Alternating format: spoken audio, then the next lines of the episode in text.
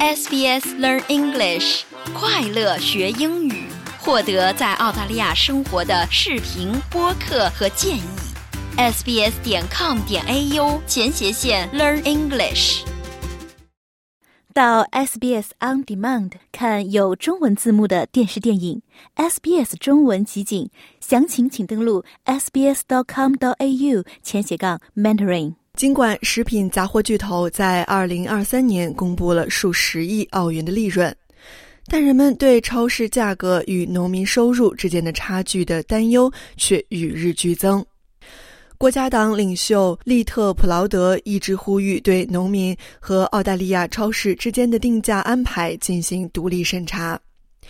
他说：“虽然参议院计划从二月份开始对超市定价进行审查，但澳大利亚竞争与消费者委员会 （ACCC） 对价格差异的审查可能会更有效。” When you see sheep and beef prices dropping by seventy percent, but only dropping at eight percent at the checkout. 当你看到羊肉和牛肉的价格下降了百分之七十，但结账时却只少付了百分之八；当你看到西葫芦农户每公斤只卖二点二澳元，但超市的要价却是六点五澳元时，他们是在谋取暴利，是在以牺牲农户和消费者的利益为代价来谋取暴利。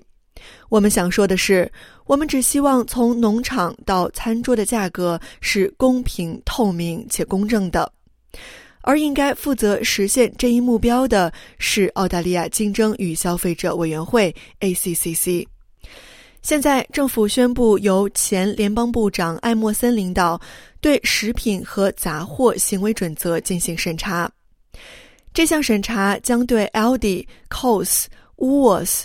和批发商 Matt Cash 目前遵守的自愿守则进行审查。该守则规定，零售商和批发商必须始终真诚地对待供应商。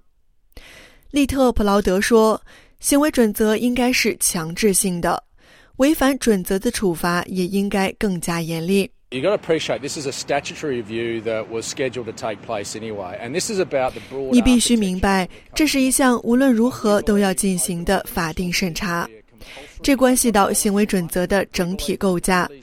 我们国家党公开认为，这应该是一个强制性的准则，而不是一个自愿性的准则。我们认为，处罚不应该像现在这样，大约是六点四万澳元。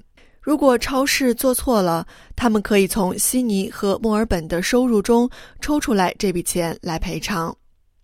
乌沃斯对此不予置评。但 COS 的发言人阿尔平表示，食品和杂货行为准则已在按其应有的方式运作。我们是自愿行为准则的积极参与者。事实上，我们在2015年帮助建立了这一准则，它是可执行的，因此我们相信它运作的非常好。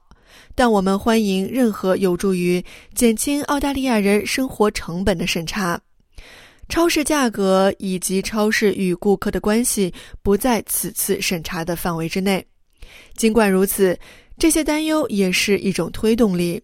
总理阿尔巴尼斯表示，此次调查是政府希望降低超市商品成本的方式之一。艾默森说。超市的成功并没有得到供应商的认同。Supermarket profits look pretty healthy. Um, you wouldn't be able to. 超市的价格看起来相当合理，但你无法对农民说他们的利润非常可观。如果你询问消费者，我自己也经常购物，价格确实已经上涨了很多。艾默森说，审查将确定需要解决的问题。If we did nothing, then the, even the existing voluntary code of conduct would expire in 2025. 如果我们什么都不做，那么即使是现有的自愿行为守则，也将在2025年到期。因此，它必须被取代，要么更新或改进，要么采用另一种方法。因此，我们正在考虑所有的选项。COS 的发言人阿尔平说。COS 已经在不遗余力地降低价格和公平形式。So we have been on a mission to reduce prices for more than ten years now. Um, 十多年来，我们一直致力于降低价格，这是我们真正热衷的事情。我们将继续努力为客户降低价格。现在很多行业都面临通胀问题，这确实是一个非常艰难的时期。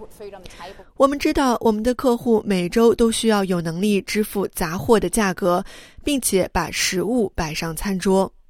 全国农民联合会主席乔钦克说：“他希望这次审查能带来一些积极的变化。” What we don't want to see is just another inquiry that carries recommendations that aren't acted on. 我们不希望看到的是又一次提出建议却不付诸行动的调查。我们以前曾对食品杂货行业进行过调查，提出过一些非常有力的建议。如果这些建议被采纳，我们今天就不会有这样的讨论了。我们想要做的是看到一些有意义的改变，不仅是围绕食品杂货法，而且实际上是围绕供应链和竞争法。这样，我们就能为农民提供更好的透明度，确保合同的公平性，从而更好的理解。如果有人违反了他们的那部分义务，就会有相应的惩罚，这样人们就能被问责。想在 SBS 当一回影评人吗？SBS On Demand 正在推送配有中文字幕的热门影视作品。您只需观看一部或以上影视作品，并把影评观后感发给我们，就有机会赢得一份 SBS 精美礼品。